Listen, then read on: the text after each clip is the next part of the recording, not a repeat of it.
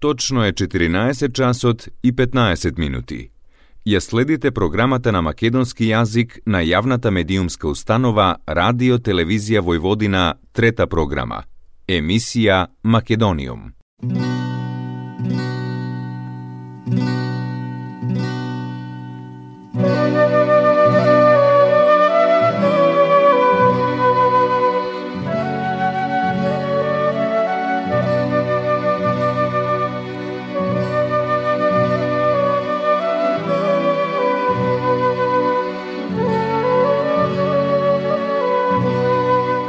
Македониум.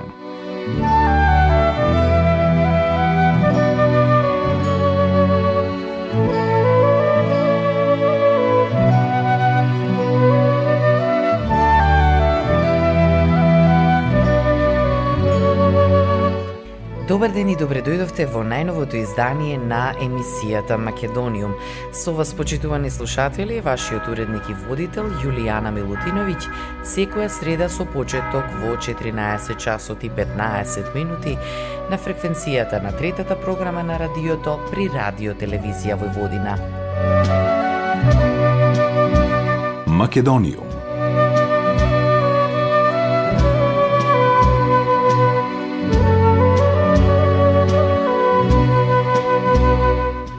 септември до декември во организација на Сдруженијето на граѓаните од Македонското национално малцинство од Нови Сад Свети Кирил и Методи се одржа работилници за изучување на македонскиот јазик.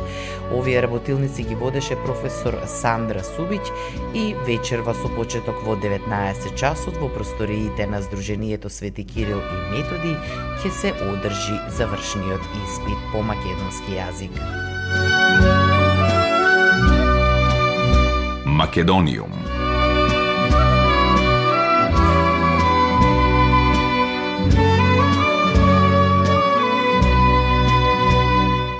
Еден месец после изборите за членови на националните совети на националните малцинства во Република Србија, на крајот од минатата работна недела Македонскиот национален совет ја одржа својата конститутивна седница во свечената сала на градската управа Панчево.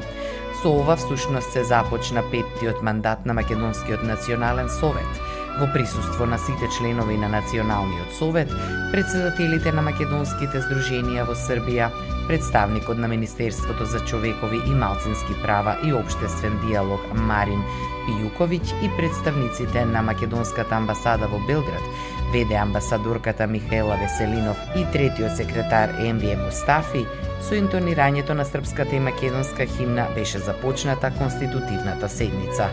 Седницата ја водеше тричленото работно председателство, со кое што председаваше Благое Илиевски.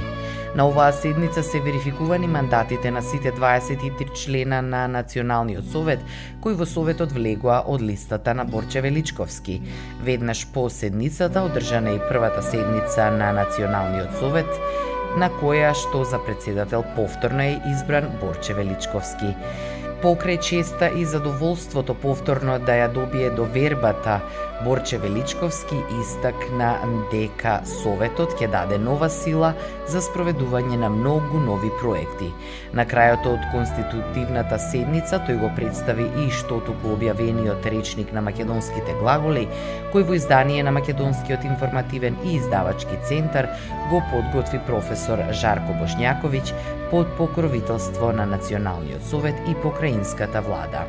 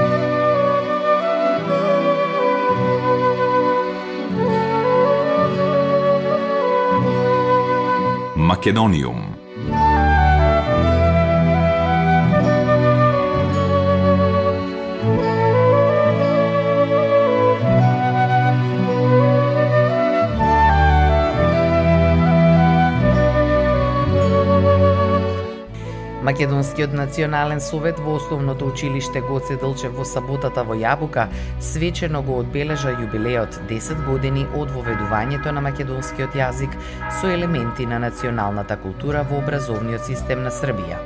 На оваа свеченост присуствуваат членовите на новиот состав на Националниот совет, представниците од македонските здруженија во Србија, дел од наставниците кои што ја изведуваат наставата за предметот македонски јазик со елементи на националната култура, како и гостинките од Скопје Јадранка Клисарова и доктор Блага Панева, авторки на првите планови и програми за учебниците за овој предмет. Во рамките на програмата беше представена и анализа на постигнатото во изминатите 10 години во оваа област, а се најави и подготовката за нова стратегија во областа на образованието, која што треба да се усвои во текот на наредната година. Беа доделени јубилејни плакети за сите оние кои што учествувале во овој процес од неговиот почеток па се досега, а меѓу кои се наставниците, авторите на плановите и програмите. Исто така беа доделени и две специјални плакети на ученичките Сташа Спасов и Драгана Спасиќ за покажани одлични резултати во наставата во првата деценија на образованието на македонски јазик во Србија. Во исто време, во Домот на културата Кочо Рацин за учениците кои што го изучуваат македонскиот јазик со елементи на националната култура во Војводина, беше организирана изведба на представата Убавицата и Зверот. По представата на децата им беа поделени новогодишни пакетчиња, обезбедени од страна на Националниот совет и прилепска витаминка. Програмата за децата кои што го изучуваат македонскиот јазик во Лесковац и Богоевце ќе се одржи во сабота во културниот центар во Лесковац со проекција на современиот македонски филм за деца Стела и поделба на новогодишни пакетчиња. Македониум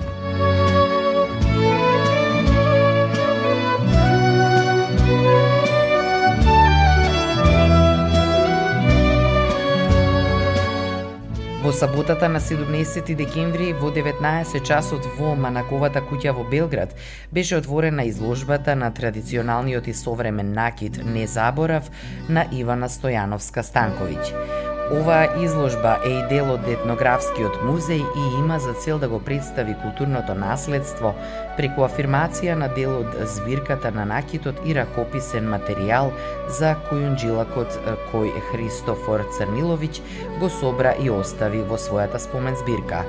Изворна инспирација за авторката која изработува современ уметнички накид со техника на филигран е токму традиционалниот накид кој поминал низ вековите.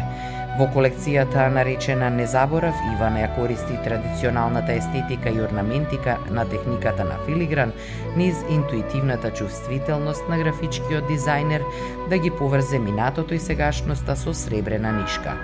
Во рамките на програмата на оваа изложба планирани се и работилници за филигран. Ивана Стојановска Станковиќ се занимава со дизајнирање на изработка на накид низ филигранскиот вез. Накитот го изработува од сребро, полускапоцен камен проткаен со многу љубов.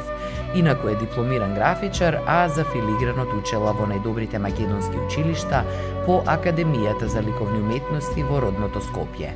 Се усовршувала и во Италија, Покрај тоа, Ивана е наставничка и изведува настава по предметот македонски јазик со елементи на националната култура во основното училиште Коста Стаменковиќ во Лесковац.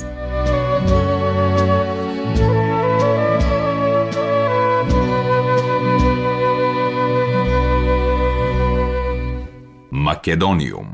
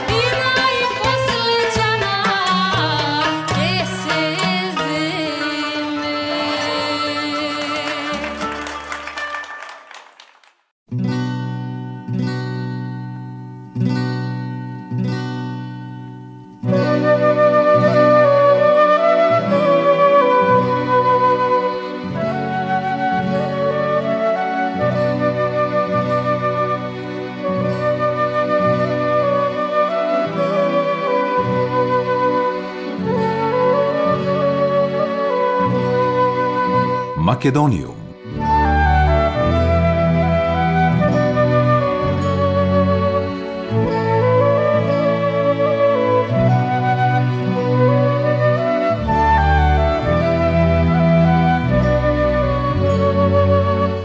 Во рамките на неодамна подпишаниот меморандум за соработка меѓу Србија, Албанија и Македонија Open Balkan Theater, кој е во насока на посилно поврзување на најважните национални културни институции, вечерва со почеток во 20 часот на големата сцена на Националната опера и балет во Скопје, ќе гостува Народниот театар од Белград со балетската представа Жизел на Адолф Адам.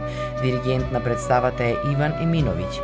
Магичната и безвременска приказна за несрекната љубов преточена во музиката на францускиот композитор Адолф Адам, а во кореографија на Леонид Лавровски според Жан Корали, Жил Перо, Мариус Петипа и кореографската реализација на Катарина Обрадовиќ, како и костимографијата на Божана Јовановиќ, со сценографија на Борис Максимовиќ и концерт мајсторот Климент Тодороски вечерва во Скопје.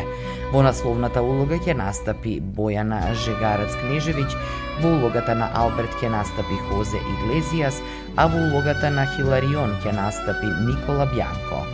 Настапуваат солисти и балетскиот ансамбл на Народниот театар од Белград во придружба на оркестарот на Националната опера и балет. Македониум